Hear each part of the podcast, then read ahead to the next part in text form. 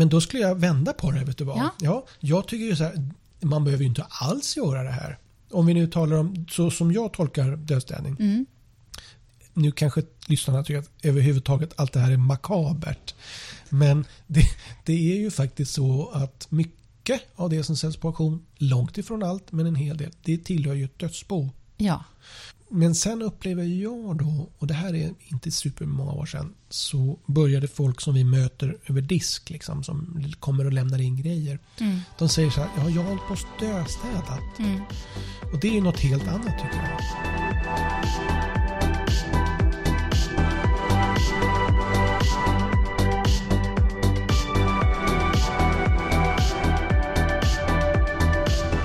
Säger vi hej och välkomna till avsnitt två av Aktionspodden. Välkommen! Hallå, här sitter vi igen, du Ja. och jag.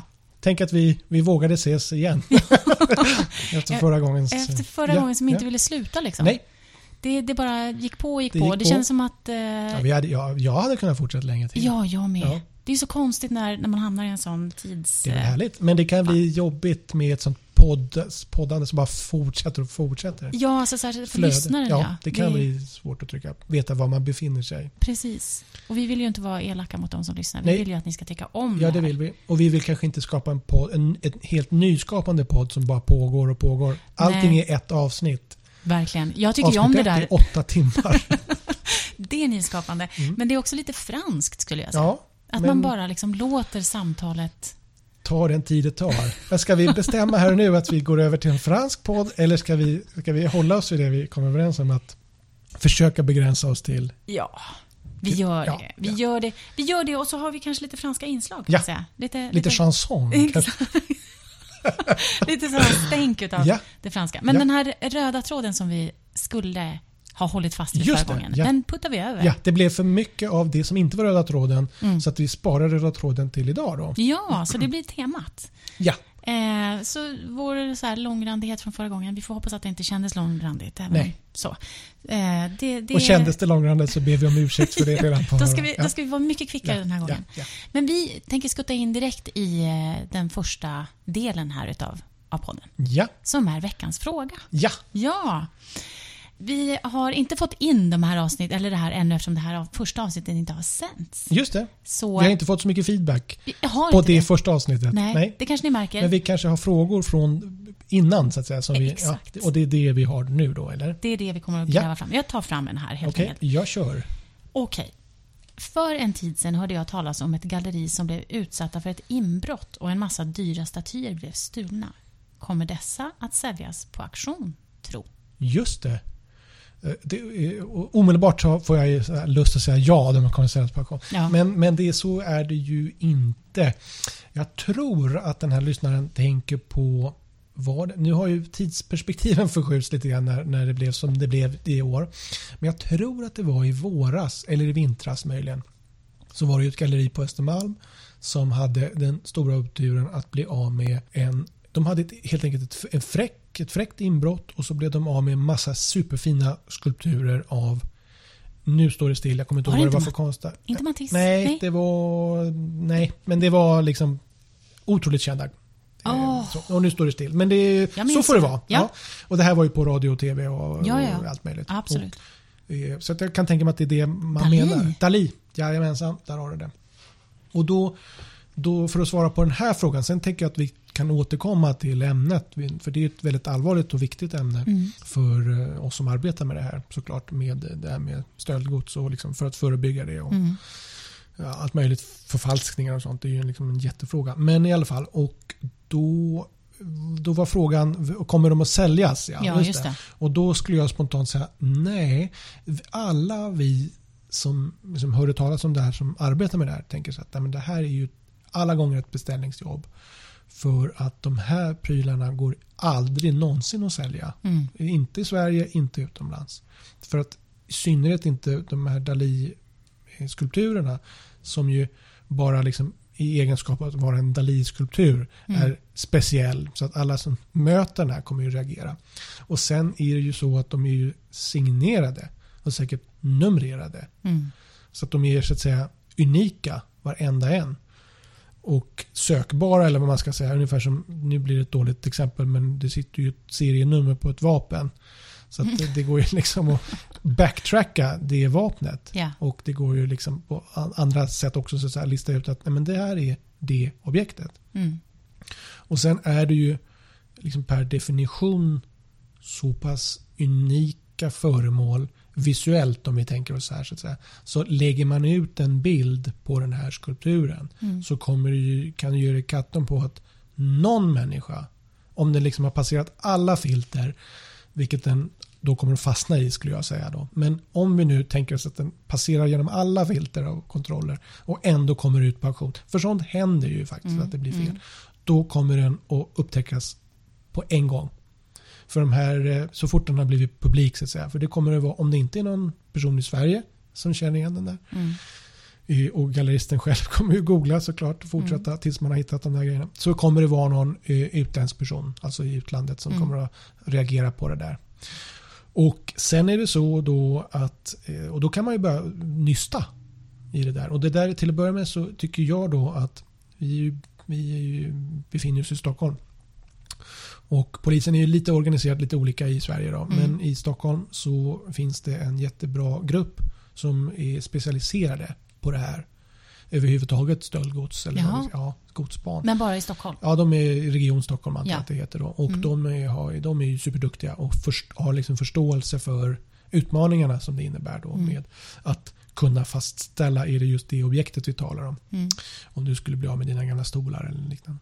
Men eh, då... Gäller det även mig? Alltså ja, jag det, skulle men alla om du skulle bli av med någonting så vill ju du inte att de snurrar runt på stan och säljs på något auktionshus. Men måste de ha ett visst värde? Alltså, I princip inte skulle jag säga. Jaha. Nej men vi ska ju det, Mm. Men det, det här, Mm. du hör, det här är ett eget avsnitt. Ja, ja. Men, men för att återkomma till, till de här sk- skulpturerna då, Ja. tänker jag nu jag tänker högt, Mm. så har du ju också inom den här gudsspan så har du ju en Peter som jobbar med konst, mm. är specialiserad på konst på ett internationellt plan. Han är ju superduktig. Och han är nog, en, han är nog ensam i Sverige, så det, där är polisen Mhm. något underbemannade även på denna specialiserade fråga. Men han är superduktig och har ju då kontakt med Interpol och, och allt det här. Va? Och då finns det ju till exempel The, The Art Loss Register i London Mm. som jag ger mig sjutton på att man har registrerat den här stölden, alltså de här varorna i de här skulpturerna. För då har man anmält då att den och den och den och den och Mm. den skulpturen med det här och det här och det här numret, den försvann vid det här tillfället. Mm.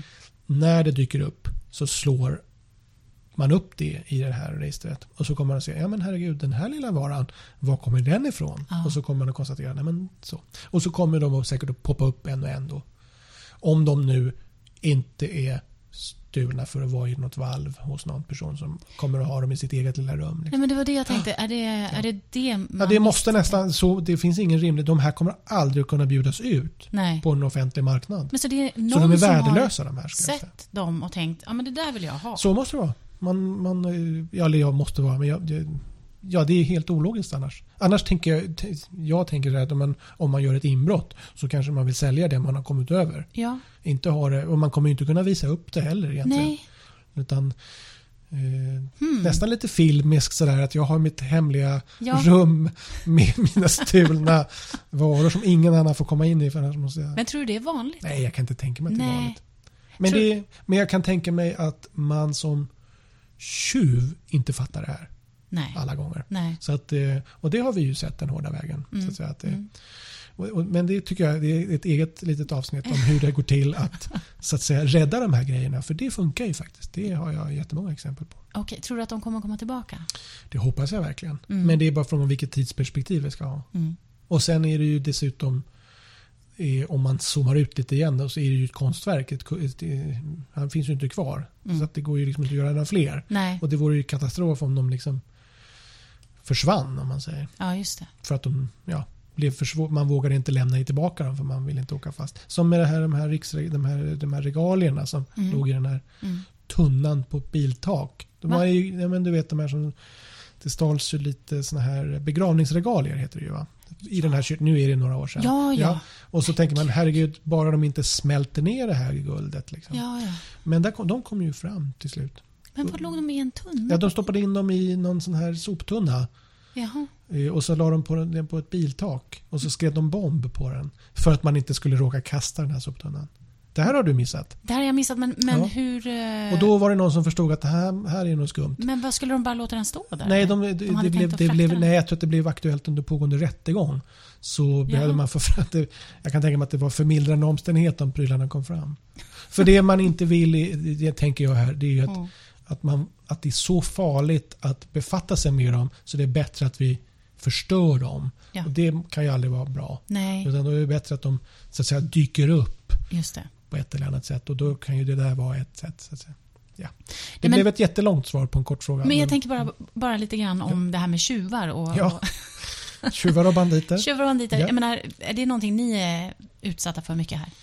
Eh, nej, men, nej, det skulle jag inte säga. Men det är ju ett ansvar som alla vi som befinner oss i den här branschen, oavsett vad vi, om vi är ett auktionshus eller en antikhandlare eller motsvarande. Vi är ju skyldiga, alltså på ett, ur ett eh, reglerat sätt, bortsett från det moraliska, att förebygga det här. Mm. Så att det, det finns det ju rutiner och ramar för såklart. Mm. Och, eh, men det tycker jag nästan är ett eget avsnitt för det är så oerhört omfattande kring hur man, vad man ska göra, vad som händer och lite sådana Ja, grejer. just det. Men det är ju, det är ju ganska, kan säkert vara intressant och det kan också vara lite tryggt att veta som eh, målsägande Mm. att, att branschen tar det här på allvar. Så vi, vi, ingen av oss som arbetar professionellt med det här vill ju på något sätt vara med och, och hjälpa den som försöker ja, det är tvärtom. Vi vill ju Mm. hjälpa dig att få tillbaka dina prylar. Ja, just det. Nej, men som jag har förstått, jag har till exempel vänner som har eh, bar och eh, alltså har en klubb Ja. och har varit utsatta för inbrott några gånger. Ja. Och hu- hur förbannade de är på hur dumma de här tjuvarna Ja, ja just det. Nej, men just det här, inte bara själva brottet i sig, utan att de faktiskt mest går in och förstör så ja, mycket. Ja, och egentligen inte tar med sig någonting nej, utav värde, utan nej. bara så här sabbar en massa utrustning plus... ja. eh, Nej, men nu pågår ju de här vill, så villainbrott och sånt Ja, där. exakt. Och det är väl lite olika sorters tjuvar kan jag ju tänka mig i Ja. och för sig. Va? Eh, Vi pratar internationella ligor och så vidare. Mm, Och då och så är det skillnad på konst och det är skillnad på guld Mm. kan man ju säga. mm, För det guldet är ju en annan sorts... Och där har ju pantbankerna som är supernoga och Mm. professionella. Så mm, alla vi försöker ju dra om vårt streck till stacken för att förhindra att, att det överhuvudtaget blir aktuellt. Och Mm. när vi får känning så finns det ju rutiner också. mm. Alltså när vi, när vi anar att nu det här som vi har framför oss det är hett eller vad jag ska kalla det för. Ja, just Då det. finns det rutiner för det. Men man hade väl inte kunnat tro att någon skulle ta dem där? Nej, och, sen, och, och, och, precis, och har vi anledning att misstänka någonting, men då, Mm. agerar vi ju. Så att Mm. säga. Men sen har det också, det kan ju hända olyckor Mm. av ett eller annat Mm. slag. Mm. Och då, då finns det ju tack vare, då är vi tillbaka på det vi pratade om förra veckan med digitaliseringen. Att Mm. genom de här bilderna och texten så blir det dels googlingsbart även efteråt. Mm. Och med lite tur så är det ju spårbart. Sen är den stora utmaningen är att trots att, att du ty, tycker att den här spegeln som 1700-talsspegeln, Gustavianska spegeln som du har hemma, som du blev av med, den, den var unik. Mm. Så, så är problemet, utmaningen att det finns ju otroligt många precis likadana speglar. Mm. Så det är ju liksom, dels gäller det att överhuvudtaget se att är det rätt spegel. Sannolikt är det inte det. Mm. Och, eh, och sen så och att leda det i bevis då är nästa steg. Mm. Men eh, i vilket fall som helst så är det ju det här är ju en aspekt, Mm. en, en affärsrisk eller risk eller vad jag ska säga som, som alla som arbetar med det här måste ha i beaktande. Det är inte bara glamour. Nej, det är inte bara glamour. Nej. Nej. men du sitter inte och är rädd i alla fall för att sånt här ska hända. Nej, det kan jag inte säga. Utan Nej. tvärtom så känner jag mig ganska trygg med att vi har rutiner och, eh, och att det här är liksom en... eh, Mm. Ja, vi bär det här med oss helt enkelt dagligen. Mm. Ja, det är bra. Och på tal om rutiner. Jag vet inte om det här är rutiner, men det är någonting som vi alla ändå kommer att behöva göra. Eh, eller som vi gör till vardags, men som vi kommer att behöva göra i framtiden också. Men du tänker på döstädning? Jag tänker på dödstädning Ja. och... Eh, Men då skulle jag vända på det. Vet du vad? Ja. jag tycker ju så här, man behöver ju inte alls göra det här. Om vi nu talar om, så som jag tolkar dödstädning. mm, Nu kanske lyssnarna tycker att överhuvudtaget allt det här är makabert. Men det, det är ju faktiskt så att mycket av det som säljs på auktion, långt ifrån allt, men en hel del, det tillhör ju ett dödsbo. Ja. Och då är det ju någon som har avlidit. Det ligger liksom i sakens natur. Mm. Eh, och, det är väl, och så har det kanske framförallt förr varit. Stärbhus och man hade liksom eh, och så, eh, det var en gård ute på landet och så såldes rubb och stubb. Mm. Eh, och det var en liksom naturlig del av livet. Men, men sen upplever jag då, och det här är inte supermånga år sedan, så började folk som vi möter över disk, liksom, som kommer och lämnar in grejer. Mm. De säger så här, ja, jag har hållit på och döstädat. Mm. Och det är något helt annat tycker jag. För det ena är ju att, man, att vi anhöriga efterlevande måste hantera ett dödsbo. Bortsett från att vi har massa sorg och alla de där praktiska liksom, känslorna så har vi massa praktiska saker. Mm. Och det är kanske är ett eget avsnitt. Men eh, för det är ju det är en, e- ja, men det är en egen, då, det är inte mina saker då. Utan då är det, och sen är det känslor och det är, prakt, liksom, det, det är mycket på en gång där. Mm. Eh, Men och, då kan man tänka, och det här anknyter väl lite till varandra. För varför döstädar man? Jo, man kanske, eh, vi kanske måste definiera vad det handlar om då. Och då, min definition som jag uppfattar det är Mm. att de här människorna som har gjort det här, de håller redan i förväg så sakteliga på att förbereda sig för att livet inte är oändligt. Mm. Och bara, bara det att man liksom börjar bekanta sig med tanken kan säkert eh, vara trösterikt. Och då tänker man så här, och det här är ju människor som är 100 plus. Liksom. Nej, jag möter ju människor som är de yngsta är väl någonstans, jag ska säga 50 plus. Mm. Och det är ju ingen ålder överhuvudtaget. Så det här leder ju till, att, men vad handlar det här om? Mm. Varför dyker de här tankarna upp? Och då är det ju inte det att man i praktiken planerar för sin egen död. Utan man bara konstaterar, nu har ungarna flyttat hemifrån. Ja. Eh, Vi bor lite stort. Bosse och jag, eller vad man nu, Mm. vem det nu är man bor ihop med. Mm. Och börjar då liksom, insikten om att helt plötsligt så är det någonting annat. Och det där gör ju att andra sidan så har man massa frihet att resa och alla sådana där grejer. Mm. Men det innebär också att man kanske passar på att göra om hemma och Mm. eller att man faktiskt ser sig om efter ett mindre boende. Mm. Och, eh, och det gör man förhållandevis unga då. Och då börjar man rensa. Och jag tror inte att de kallar det för dödstädning riktigt ännu i den åldern. Nej, för det här begreppet, Mm. men det... Ja, men, vi, men, de, men i praktiken så handlar det om att man redan då börjar konstatera att de här grejerna vill jag inte längre ha kvar. Mm. Och man har kanske frågat barnen. Och det kanske är det som vi pratade förra veckan om. Mm. Det här med när vi byt, satte bo. Och f- när, förr så tvingar man med ungarna Mm. halva bokhyllan Ja, ja, ja. och, man fick med sig så här. Men det gör, ungarna vägrar ju ta med sig det här Mm. idag. Alltså står grejerna kvar. Och det, så kan sambandet vara. Mm, För mm. det här är relativt nytt ändå. Mm. 10-15 år kanske. Så, alltså att liksom trendar på det här sättet. Mm. Och, så då börjar man ta tag i det där då. Mm. Och rensar och, eh, och frågar barnen då igen. Då, vill du inte ha de här grejerna? Nej, det vill de ju inte. Nej. Och då börjar de fundera på vad sjutton ska vi göra med det här då? Och det är ingen panik med det och man håller inte på men man tar tag i det lite grann när det finns tid. Men man gör det också lite mer så här pö om Pö om pö. Ja. Man, man, eh, nu tömmer vi det rummet Mm. eller nu tömmer vi garaget. Eller Mm. något sånt där. Det, är, det är liksom första varvet eller vändan. Just det. Och sen har vi de som är ska vi säga, 20 år äldre kanske. Ja. Som, där är vi närmare liksom så statistisk, jag, bara, det är jag som gissar här. Statistiskt sett eh, att man faktiskt känner att man vill inte vara de anhöriga till last Mm. den dagen som förhoppningsvis är jättelångt bort. Och det är min bild att man, man har alla de här prylarna och så har det väl min klassiska definition som jag har tolkat att det här handlar om att man har man lyckats med sin dödsställning så är det liksom sista dagen så är det tomt. Mm. Så därmed så är det bara nycklarna kvar så att säga. Och Mm. det är ju lite överdrivet. Eh, så att man håller på att förbereda sig så sakta lite. För att de här grejerna behöver jag inte. De hade kanske till och med varit i någon garderob i senaste 20 åren. Mm. Och vad ska jag göra med det? Mm. Och då upplever vi att om vi talar med de har nästan alltid frågat sina anhöriga, alltså sina barn är det ju oftast. Vill ni ha de här sakerna? Och då är barnen vuxna. Och de vill inte ha de här grejerna. Mm. Och för de har egna, dels så har de nog med eget Mm. och dels så är vi tillbaka i det att man vill bestämma själv. Ja. Och sen så det man vill, det barnen vill ha, det vill man själv behålla antagligen. Så det är ett slags moment 22 Ja. Och sen så frågar man också barnbarnen Mm. och de vill absolut inte ha de här grejerna. Nej. Och då börjar man känna sig att men vad, man vill ju inte kasta grejerna. Mm. Det gör liksom ont i hjärtat av flera saker, skäl. Och sen så har vi den här tanken, jag vet inte om den anknyter lite grann. Vi pratar lite om det här cirkulär ekonomi och Mm. liksom lite miljötänk och sådär. Att även ur det perspektivet så tvingas man att fundera ett varv till på vad ska, hur kan jag ge den här varan ett nytt liv? Mm. Och då upplever jag att många av de här människorna eh, ringer eller kommer ner med oss med lite tag. Man har kanske packat en, en kartong med grejer på vinst och förlust. Ja, Som man har konstaterat att de här sakerna är förnö- de är över. Ja. De är det ingen som vill ha och jag vill inte ha dem. Och jag vill helst ta bort dem.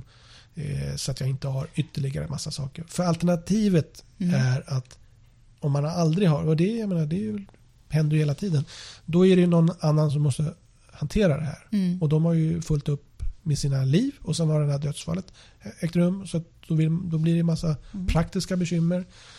Och, eh, och det där vill man då gissar jag eller tolkar som förekomma i den mån som. Så att det är av omsorg över ens barn då. Mm.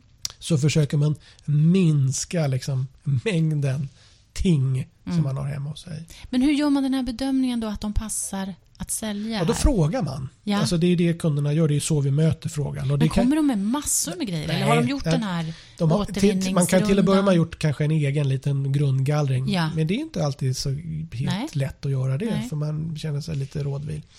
Och kan många gånger även, tycker jag, vara klokt att fråga om saker som inte är alldeles uppenbart självklara. Mm. För att, som med Bregekannan som vi pratade om. Mm. Det, är, det som ser ut som plastskräp för dig. Eller en, liksom så, det, är kanske, det är kanske där guldet ligger Ja. för att spetsa till det. Och då tycker jag att, jag brukar säga att frågan är fri. Alltså så länge man inte gör en, man själv lägger ner för mycket arbete på det och vi inte lägger ner så mycket arbete på det. Utan vi kan mötas, man kan ta bilder i sin mobil och så kommer man förbi och så visar man upp den mobilen så pratar vi om det som är på bilderna. Mm. Så har vi bara kunnat guida dig. Att Mm. ja och nej och, och så vidare. Och, och det är ju ett enkelt sätt att veta. Mm. Eh, så att, men mycket vet man ju själv där, men de här kläderna de lämnar jag till åter liksom i ja, second hand eller Ja, ja, visst. Eh, Men sen så är det just, och det kan handla om konst eller föremål överhuvudtaget. Ja. Inte så mycket kanske möbler faktiskt när jag tänker efter. Nej. det- det- Och inte kläder heller? Eller? Nej, vi tar ju inte kläderna. Nej. Eh, Men, men jag tänker på vad är det man rensar ut i första led? Det är ju inte, de, det är inte möblerna utan det är de här prydnadssakerna Mm, i det mm. lite innan citationstecken. Mm. Det börjar man nu med. Mm. Och det är nog så att det räcker och blir över många Mm. gånger. Och lite tavlor, för vi har ju så otroligt mycket tavlor hemma. Ja, har vi det? ja, det har vi tydligen. Och vi har äh, kanske också ärvt mycket tavlor. Ja, det kanske Ja, vi har. För jag tänker, jag har nästan inga tavlor Nej, alls. men du är... Då är du lite unik. Jaha. tänker jag. Ja. Nej, men eh, jag tror att man många gånger säger att Nej, men de här har jag fått efter mamma. Mm. Och sen har de varit i någon låda. Men för vill man hänga upp alla de Nej, det gör man inte. Det är, Nej. därför, det är Nej. därför de blir över. Ja, okej, ja, så att de har liksom aldrig åkt upp Ja, ja, sen förra gången. Så Nej, men gud, Eller- jag har ju tavlor som inte hänger Ja, såklart. Ja, ja, där, visst, där det ser du. Då, då tar vi tillbaka det där. Då. Du har tavlor som inte hänger. Och som visst. när du har kommit till den, liksom så här, de här kommer aldrig att åka upp igen. Nej. Ja. Och när det är insikten om att, det kan ju vara lite chockerande, att de här kommer aldrig åka upp igen. Då kommer frågan, vad ska jag göra då? För nu tar de bara plats och det Ja. stör ditt Ja. sinne att Mm. den här platsen är upptagen med grejer som aldrig kommer att användas. Mm. Och då börjar du fundera. Då kommer du fråga dina barn. Och då kommer dina barn säga så här, mamma, nej tack. Mm. Ibland så säger de ju ja tack. Men, men eh, det, generellt sett så, så blir det mer grejer över än vad, vad som försvinner in i, till barnen. Men det är då jag döstädar? Ja, alltså. det är då stöder. Mm. Och sen kanske inte du, det, just gör du det här imorgon Mm. så är det i praktiken inte dö, döstädning utan du gör bara en vanlig röjning. Just det. Men Men förr eller senare Ja. så kommer du komma till den där, eh, gissar jag då, komma fram till att nej men vad 17, mina barn ska inte behöva hålla på med de här grejerna. Nej, men så känns det ju verkligen. Ja, men, men det är ju liksom, och sen, och sen är det, och så har man det här konstiga liksom begreppet då. Och det handlar om att det här är obehagligt. Vi vill ju på ett sätt, alltså döden är ju inte de flesta av oss ser ju inte fram emot den. Nej. Så det är lite läskigt också. Mm. Och då, då kan man sätta en rubrik på det. Så att de som kommer som jag möter över disk så här, Mm. de, de säger det liksom, och så, skojar, så skrattar man lite. Att det, Mm. För att det är lite känsligt. Ja. Men då är det ett sätt att, så att säga, avdramatisera lite grann och så behöver man inte prata om de andra obehagliga. Liksom. Ja, så. Utan man kan bara konstatera att de här prylarna är över. Och, eh, och, så. och då har man hittat en term. Och det har ju till och med kommit böcker om det här ju. Ja, ja. Om hur man ska döstäda. ja men ja, just det. Så att det, det har ju varit på tapeten de senaste, ja, åtminstone fem åren. Just det. Åh, Men själva ja. begreppet, alltså jag menar, folk har ju säkert mm. gjort det här i alla tider. Men det har ju Självklart. blivit mer um, liksom, accelererat. Mm. Och det hänger ju ihop som, det som vi precis sa. att Mm. Ungarna vill inte ha det för att de, det är nya, nya tider kring hur vi individ, liksom, den individuella Ja, ja. processen hur vi inreder. Ja, men jag inser ju nu att eh, det är ju en, min... En farmor helt enkelt. Ja. min Vi släkt. kallar henne för en farmor. En farmor. Eh, började ju... Alltså hon gjorde ju det här under 20... Ja. 30 år. Ja. Att hon gav Ja. saker Ja. födelsedagar och liknande och man fick gå igenom hennes kläder och ta de där scarfen. Alltså, så att hon hade ju i stort sett tomt hem det det, när det, hon är gick bort. Vid Hon gick 105 års ålder. Ja. ja.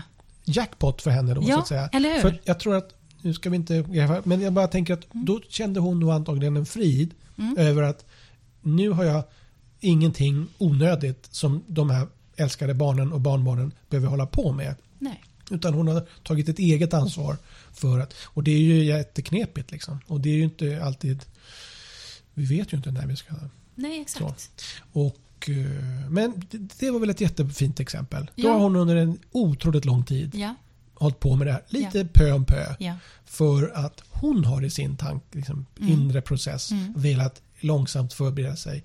För att om man aldrig tar tag i det så kommer det ju liksom att bli en stor fråga. Eller om man tar tag i det sista dagen Mm. så blir det ett jätteprojekt. Ja, men verkligen. Och det är väl, hon har dödstädat. Hon har dödsstädat, ja precis. Hur, vad, vad gör man med eh, den här dödsstädningen tänkte jag säga? Vad, vad händer?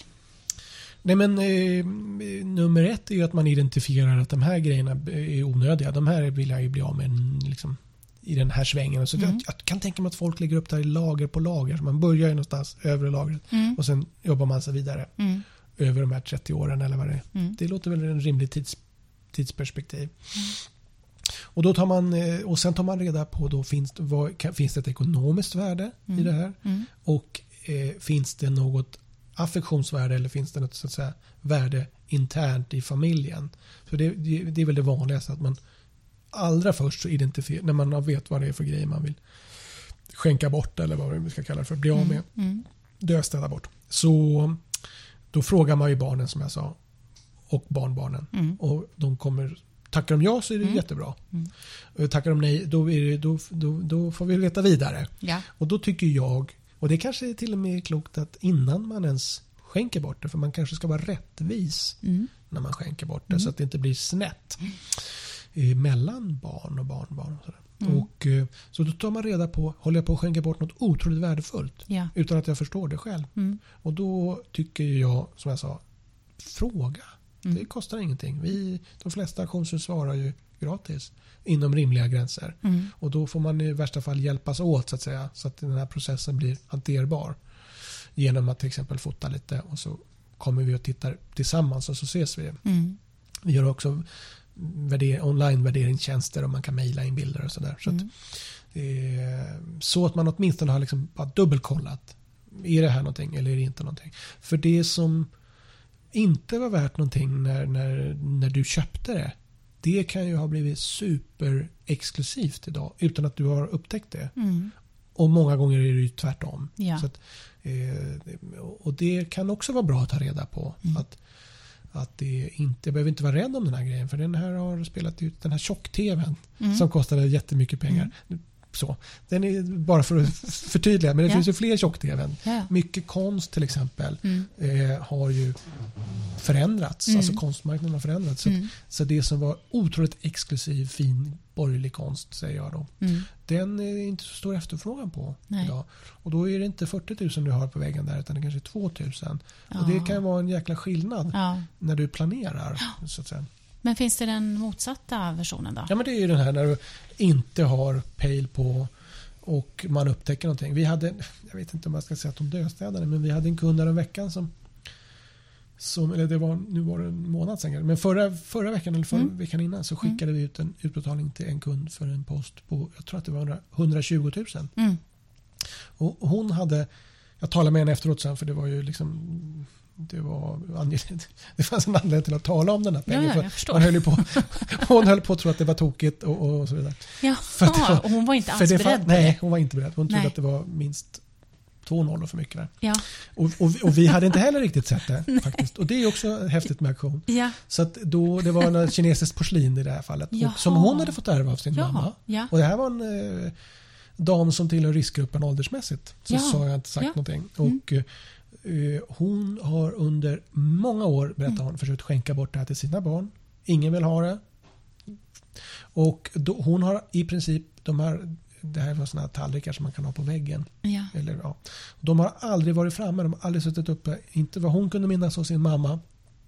Och det här var ju länge sedan då. Och hon har inte heller själva, de har aldrig passat in. Mm. Så de har legat i en flyttkartong. Och hon berättade att de har levt, den där flyttkartongen har levt ganska farligt. Mm. För att eh, man har ju inte tänkt att det är, ja, det är det där bråtet i den där kartongen. Ja, man har inte varit så... Så att man har inte varit superrädd om den här kartongen. Varken liksom, ja, man har inte varit, hon, hon var, det var inte så att man sa den där kartongen, den går först och sen så vill jag veta att den kom fram. Utan när hon har flyttat så har den liksom stått kvar i något källarförråd och lite sådana där grejer. Ja. Berättade hon. Ja. Och eh, så att när vi bjöd ut dem och de gick som en raket så Ja. blev och det, helt plötsligt så blev det istället för 1000 kronor så Ja. blev det i netto efter avgifter 120 000. Och för 120 000 kan man ju ändå göra roliga saker, Ja. tänker jag. Ja. Och det är ju ofattbart.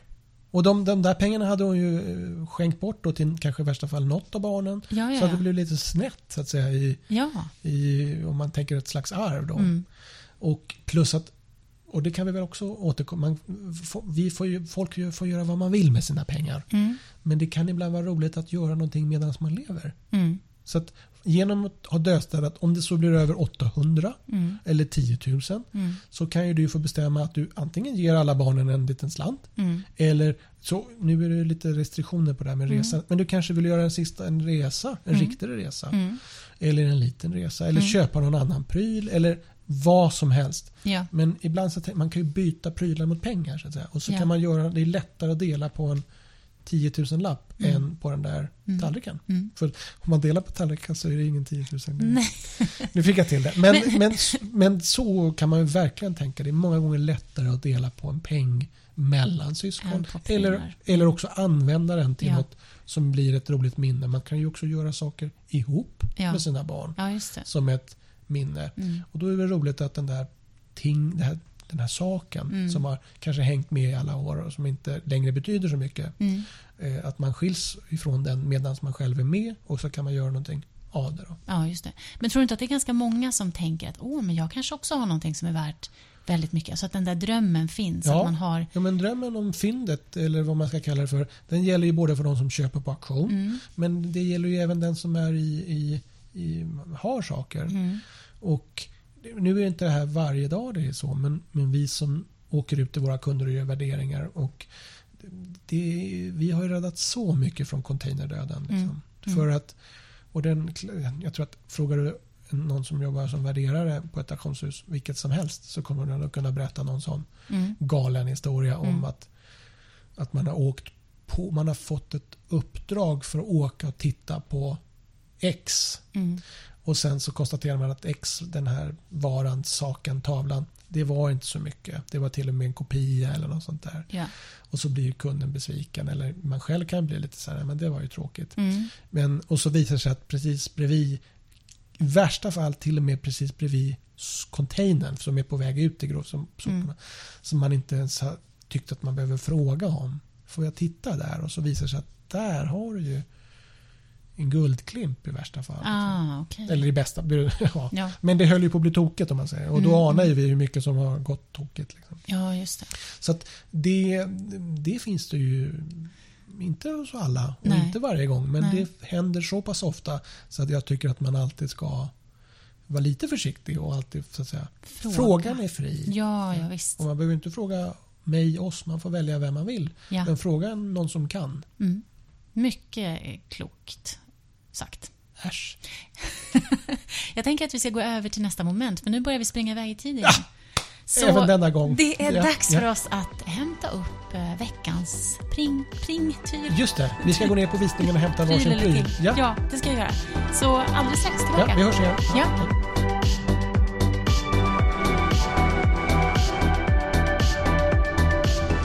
Och då ska vi börja med mig den här Ja, gången det då? tycker jag. Ja, rättvist. Ja. Säger jag. Ja, vad har du valt för någonting? Jag valde en eh, pall. Behöver vi förtydliga vad det är vi har gjort för de som inte lyssnade, som inte orkade lyssna klart på första avsnittet? Ja, just det. Att vi faktiskt har, det här är ett inslag där vi går ner till auktionen Ja, och eh, hämtar upp. väljer varsitt föremål. Ja, just det. Som inte vi nödvändigtvis, jag vet ju inte vad du har valt och du vet inte vad jag har valt. Nej. Och som, det kan vara vad som helst.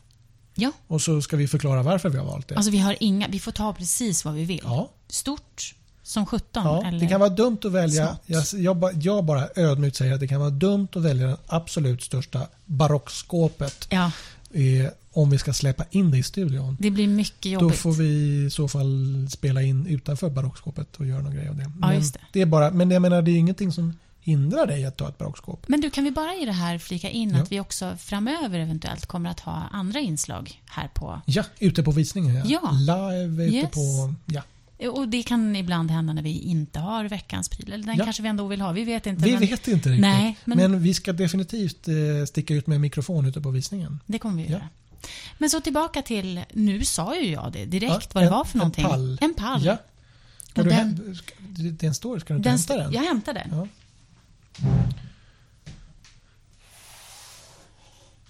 Oh, det är äkta. Det är en sån här ja. Varför valde du den här då? Kan vi berätta om hur, vad det är vi håller i? Vi Det- lägger ut en bild. Ja. Ja. Det är en, en tjusig, skulle jag säga. Alltså, Inte för att lägga någon värdering, men det är en tjusig ting. nej, men Ja. jag, I mina ögon. Ja. För att den där har jag suttit på när jag var liten hos Ja. min farmor. Okej. Här hade ni tre stycken. Ja. Eh, jag tror hon hade en, eller så hade hon två. En grön och en röd, Ja. tror jag det var. I, precis likadan typ. Ah, Ja, typ ish. det- Det, är så jag kommer ihåg det. Det är, så hörs det, så att det här är ju st- stålrör. ja, stålrör. Så, så, så, det är ben i stålrör som Mm. sitter i något, de är svetsade som sitter i ett kryss. Ja. Och sen är det en spånplatta som utgör själva Ja, tjusigt. sitsen. Ja, Ja. det är äkta spån och Ja. sen är det äkta skumgummi här emellan och sen är det äkta galon som konstläder här utanpå. Och den här är ju röd med något litet mönster på. Ja, jag tycker det är intressant det där mönstret också. Är inte det så här lite 60? Mycket. Ja. Det påminner lite grann om virvar, det här köksbordet. Exakt, som, eh, som jag tycker är jättefint. mycket, ja, och de är ju väldigt de är kompisar så att säga. De är det, Ja. Och vad kan det vara? Ja, men det är 40-50-tal skulle jag säga. Mm. Och, ja. eh, 40. Ja, Mm, precis. mysigt. Och, eh, ja, men de är ju supermysiga. Ja. Och de här rackarna, nu vet jag inte hur de andra var, vi tog bara upp en eller Ja, ja. en. Men de här, här är ju plats, de här benen är ju, det sitter som pluppar som skyddar Ja, mot golvet mot de här. yes. Och så har du äkta skruvar här. Du Ja. ser att de här inte är, de är inte från igår. Nej, de är ju inte det. Äkta skruvar Äkta säger skruvar. du. Ja, men det är de här gamla. Oj, nu höll jag på att tappa den. Oj. Eh, nej, men det är charmigt när man ser att det här är original. Liksom. Just det. Och, Men görs de där i kopior? Ja, men alltså? det är, vissa sådana här har jag, Jaha. tycker jag. Alltså i retrostil. Ja, i retrostil. Men är det där någon speciell design? Alltså, eh, har vi en... Nu en... blottar jag min okunskap, men jag tror inte att det här är någon specialare. Utan det här är Nej. bara en populär modell som gjordes, alltså det gjordes varianter av de här. Mm. I, men säkert Sverige. Säkert så. Ja, för vi, hade ju väldigt mycket såna här möbelfabriker runt om i landet Ja. på den tiden. Mm. Ända fram till typ 70-talet. Mm. Och, men pall, det är ju praktiskt. Men det, är Ja, det, jag fun- ja, det funderade ja, jag också på när jag såg ja. pall. För jag tänkte, sitter vi på pall idag? Nej, men det är bra att ha. Ja, det är alltid bra. Det är bra att ha en pall. Minst en pall. Nej, men det, dels Men man det, har inte så här vadderade pallar längre. Nej, det har du rätt i. Nej. Jag, hemma till exempel har jag ju en, en icke värderad pall. Mm. Men jag har ju en pall, för det är Ja. bra att ha. Ja, ja. Dels är det ju, Ja, man behöver klättra upp, Ja. och, men också som reservstol. Ja. Och den tar ju nästan ingen plats. Det går att skjuta in under någonting. Men vad gjorde man med de där? De här känns ju ändå som att de här används mer som att sitta på, inte klättra upp så mycket. Ja, jag kan tänka. Det här är ju nästan köksstolsnivå. Och det är väl liksom det här klädseln indikerar ju kök för mig. Då. Mm, Så jag kan tänka mig att de faktiskt har varit som ett komplement till stolar i samma stil. Liksom. Just det. Och sen är de säkert stapelbara. Ah, Så att det, de, tar Ja, ja. nästan, de tar bara en ja. tar, det bara, tar bara plats för en pall så att säga, fast du har kanske fem pallar. Just Och där har du ju Altos pallar de här i böjträ. Mm. Eget avsnitt känns det som. Mm. Men Yes. för dem går det ju att stapla också så här. Så att det är, och det är ju ja, det är tre ben på dem om inte jag tänker fel. Mm. Men det är samma grundidé där att de, det här är en bra möbel, tar ingen plats. Och Just så kan, och sen när man, kan man stapla undan dem. Mm. Ja. Och de har vi idag. Fast inte den här typen på samma sätt. Nej Fast precis. Men idag här köper ju, man...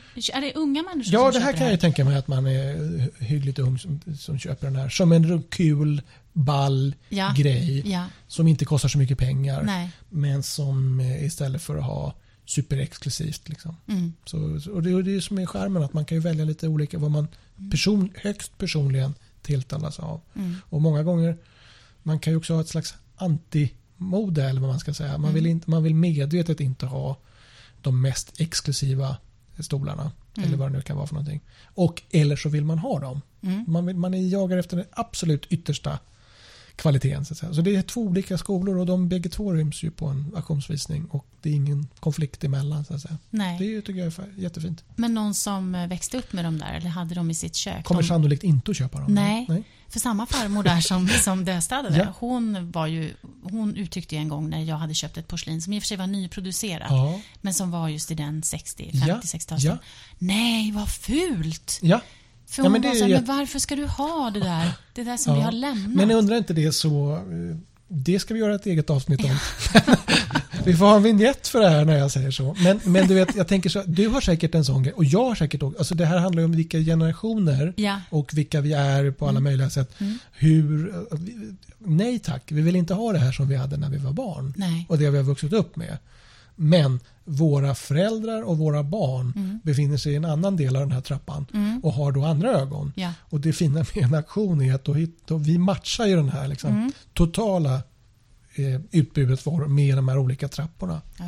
Och, då, eh, och sen, eh, det roliga är ju att nu för tiden är det lite mer så att det glider mellan. Mm. Så att det förekommer ju faktiskt att även de som har, upp, har haft de här hemma så att säga och passerat det och haft nej tack så kommer, de, kommer det lite tillbaka. Mm. Att man kan tänka sig att man har en teakmöbel som håller kvalitetsnivån liksom, Mm. i det här nya klina hemmet som man har satt som ska vi säga 60-åring. Då. Ja. Så var det inte riktigt lika mycket för. Nej. Tänka sig. Alltså, jag ska inte fortsätta, men jag måste bara säga att jag kommer inte på någonting som jag har vuxit upp med som jag inte tycker är fint. Jag kommer inte på Mm. Låt oss eh, göra ett avsnitt av det och så ska jag ta fram såna här vet, planscher som man hade i skolan som man drar ner. Men Eller som de har på flygplatsen där du ska peka ut din förlorade väska.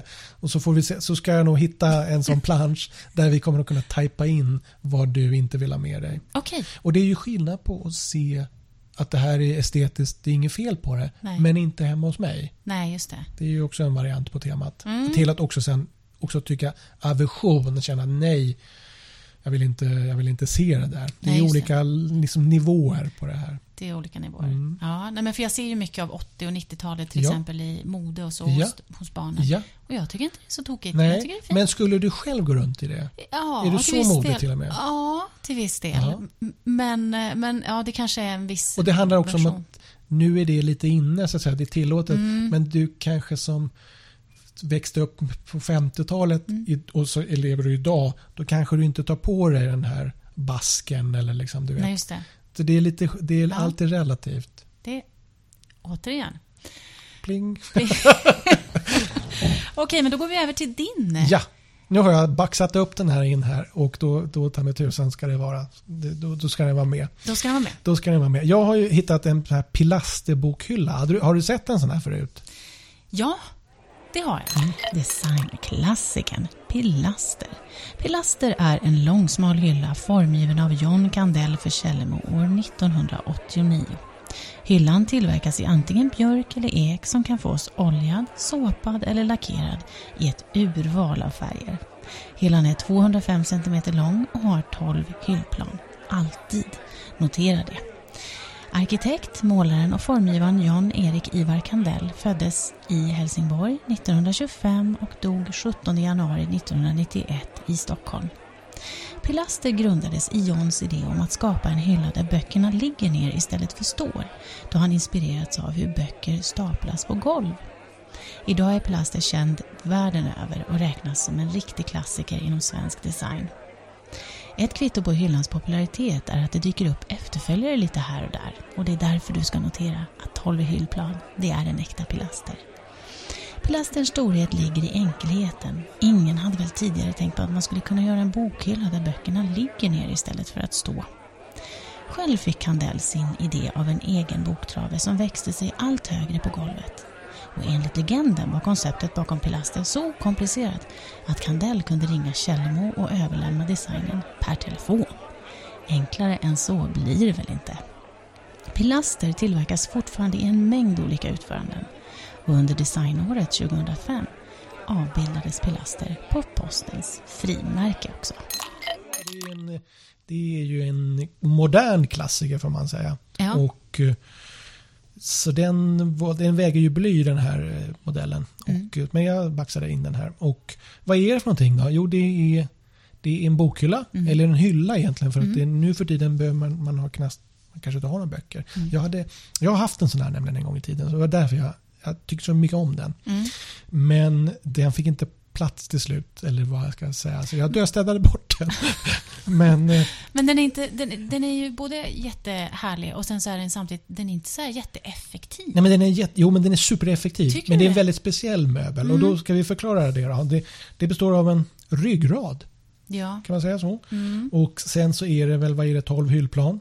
Mm. Och det som är idén här är att man till skillnad från vanlig bokhylla, om man skulle vända på den, Mm. då skulle du fatta att nej, men här skjuter jag in böckerna traditionellt. Ja. Men den här är ju på andra ledden. Yes. Och den heter ju Pilaster, det är ju John Candell.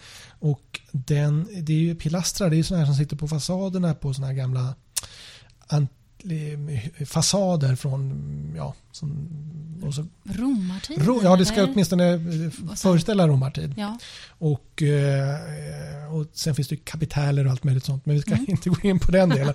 Utan såna här, och de är ju då smala, som, vad ska vi kalla det för? Det är inte, det är inte träd, men det är en lång balk. ja, en balk precis. Ja. Men ryggrad var ju väldigt bra. Ja, eftersom det dessutom har ryggkotor här. Då. Exakt. Och Kandells idé var ju att istället för att skjuta in böckerna på, på bredden och så tar du hyllmeter som man brukar prata om. Mm. Så staplar du böckerna på varandra på höjden. Mm. Och han gjorde så hemma tydligen att han hade bokhögar. Liksom. Och det där kan jag känna igen mig i. Att jag Ja. har högar med böcker. Yes. Och så får man liksom vända på huvudet om man ska titta ja. på titlarna. Ja. Och då är det där ett utmärkt sätt att bara skicka upp dem på höjden. Och till skillnad från en vanlig bokhylla, den tar ju lite plats. Mm. Den behöver sin. Men den här rackaren vet jag att när jag bodde i min första lägenhet då hade jag ju den här mellan två fönster Ja. i en liten nisch. Ja, ja, kunde ja. jag, för den är vad kan den vara? Den är ju inte många centimeter den här. Och så trycker du upp den där och så upp med böckerna. Den sväljer ju hur många böcker som helst. Jag hade ju CD-skivor Mm. i den här. Mm. Eh, på den tiden man hade CD-skivor. Ja. Eh, och sen så flyttade jag och eh, den åkte faktiskt upp på väggen. Mm. Och var nog uppe på väggen ganska länge. Jag tror att det hänger ihop med CD När jag plockade bort mina CD-skivor så flyttade inte biblioteket in. Den här flyttade inte in i biblioteket och biblioteket flyttade inte in i den där utan den blev över. Ja. Och då fick den vara i ett, eh, ja, i ett garage ganska länge. Mm. Så tänkte jag, men jag kan ju inte göra mig av med den, det är en kompis. Mm. Och så måste man ju leva som man lär. Mm. Så till slut så tog jag mod till mig och då hade den säkert stått där i tio år. Och, eh, ja, ja, ja. Och, och sen så sålde jag den. Ja. Och, eh, men jag saknar den. Så att därför när den här kom in så, så var jag tvungen att hugga den. Är du säker? Ja, ja. Alltså, tänker, eller är du säker? Ja, jag den här är ju röd. Den Ja. finns lite olika färger. Min var ju, min var ju björk. Det är så naturfärgad. Ja, ja. Så. Men Mm. den finns ju svart och lite vit. Och så. Men eh, Men den nyproduceras? ja, den är, oh ja. Den är ja, visst. Och jag aktuell. köpte ju en ny. Ja, ja, du så det var en helt Ja, eh, ja. så. Jag, jag ärvde ju en sån Ja. i en lägenhet som jag köpte. Jaha. Men den var ju inte en, en äkta kan man säga. Det har jag ju förstått nu när jag har tittat på... Eh, Du har jämfört lite med den här. jag har, Ja. ja. exakt. Ja. För att eh, den har bara åtta. Din, nej men då, det var svar på frågan. Så här är det. Den här, alltså när den här kom, den här kom i slutet på 80-talet. Den var, den var ju revolutionerande på ett sätt. Alltså Ja. vi, det är ju en ny alltså, paradigmskifte man tänker på en bokhylla. Mm. Att man kan göra så här istället. Mm. Så idén är, och sen är idén så enkel ju. Mm.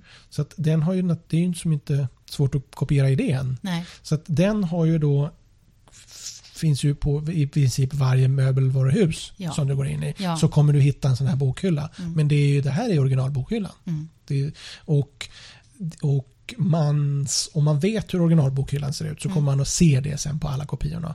För att du ser att hyllplanen är lite tjockare. Ja. Och om du också lyfter i den här så känner du att den här väger ju bly. Vi, får, du får, vi reser upp sen och så får vi pröva att väga den lite. Ja, den är, väger bly den här.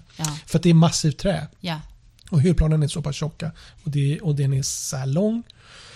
Eh, För den finns ju, för det, det är ju inget, det går ju, man behöver ju inte alltid ha en sån här jättebokhylla. Så man kan ju ha en lite mindre bokhylla också. Ja. Alltså en meter eller den här är nästan, den är ju två meter. ja, den är ju Ja. enormt hög. Precis. Sen så, här ska jag visa dig. Ja. Så ser du att eh, det sitter ju ett Källemo-märke på den. Så är känner du dig minsta osäker på om det är, Just om det är en or- originalare Mm. så sitter det ju, den är brännmärkt här längst ner, Mm. säger jag för lyssnarna som inte hör. Under den understa hylla, hyll, hyllan, Mm. hyllplanet, Mm. så sitter det ett, en rund ring med ett K på. Ja. Och det står för Källemo. Och där, på framsidan, Mm. så att säga. Och därmed så då vet man att den här är äkta. Mm. Sitter det inget sånt där, då Nej. är det en kopia. Nej, Så den här har jag valt. Nej, men det, är- så kan det vara. Så men, kan det vara. Så därför så valde jag det. Jag, tyckte, jag tycker om den här. Liksom. Den är. Den är fin. Kommer du att uh, hugga den där tänkte jag säga? nej, det verkar ju dumt eftersom, Ja. jag, eftersom jag gjorde mig av med Men min. tio år men- stod den alltså. Du, hade, du Ja. såg ingen plats för den? Jag, kämpade med det där. Ja. Och eh, jag tänkte, nej men det kommer, för ibland gör man, det, man kan ju flytta eller man kan göra om och sådär. Men till slut så insåg jag, nej men vet du vad, det, det man kan inte, och så tog den väl lite, den här tar ju inte mycket plats men den var ändå i garaget på något Mm, sätt. Och mm. störde mig med sinnesron, apropå Ja. det här med dödstädning, att den, Mm. den, den ska inte stå där. Det är bättre att den får ett nytt liv. Så då konkade jag in den till auktion och, eh, och sålde den.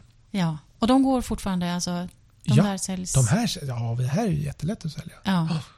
Och de säger jag, jag har fått en liten känsla av att de till och med gått upp lite i pris. De är inte Mhm. jättedyra, de kostar Mm. ett par tusen. Mm. Men ehm, Men, men jag vet att vi pratade om det i förra avsnittet också. Vi ska faktiskt börja runda av snart. oh, Eh, men just om det här med när någonting bara sticker iväg Ja. sådär.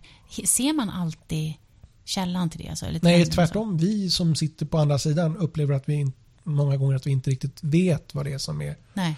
källan. Utan snarare att vi, vi ser en, en trend. Mm. Men vi vet inte vad som är källan till den här trenden. Och Mm. Många gånger så anar vi att det är ju, den har varit med i något inrednings tv-program kanske. Eller, eller, eller, ja. Och sen kan det i sin tur leda till att det dyker upp på mycket här instabilder. Mm. Och sen blir du inspirerad av att Nej, men det där var ju snyggt. Jag ska Mm. också ha en sån. Ja, det. Och det leder ju då till ja, prisuppgång. Ja, just det.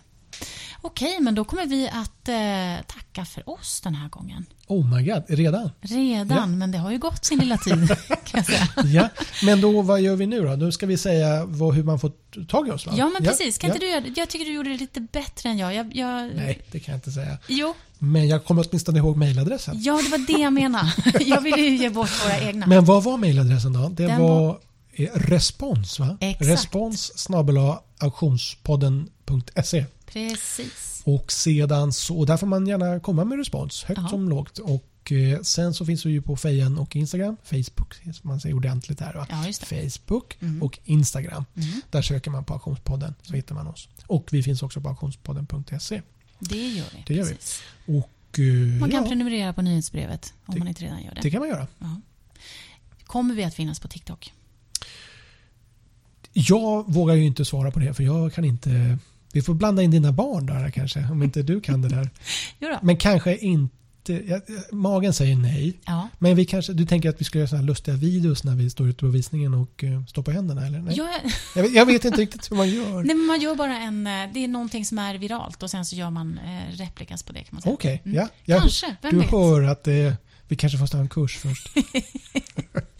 Vi får se. Ja. Men att vi ses i ett eh, tredje avsnitt snart, Ja, nästa det vecka. är helt säkert. Ja. ja. Och vill du ge bara en liten hint om vad som kommer?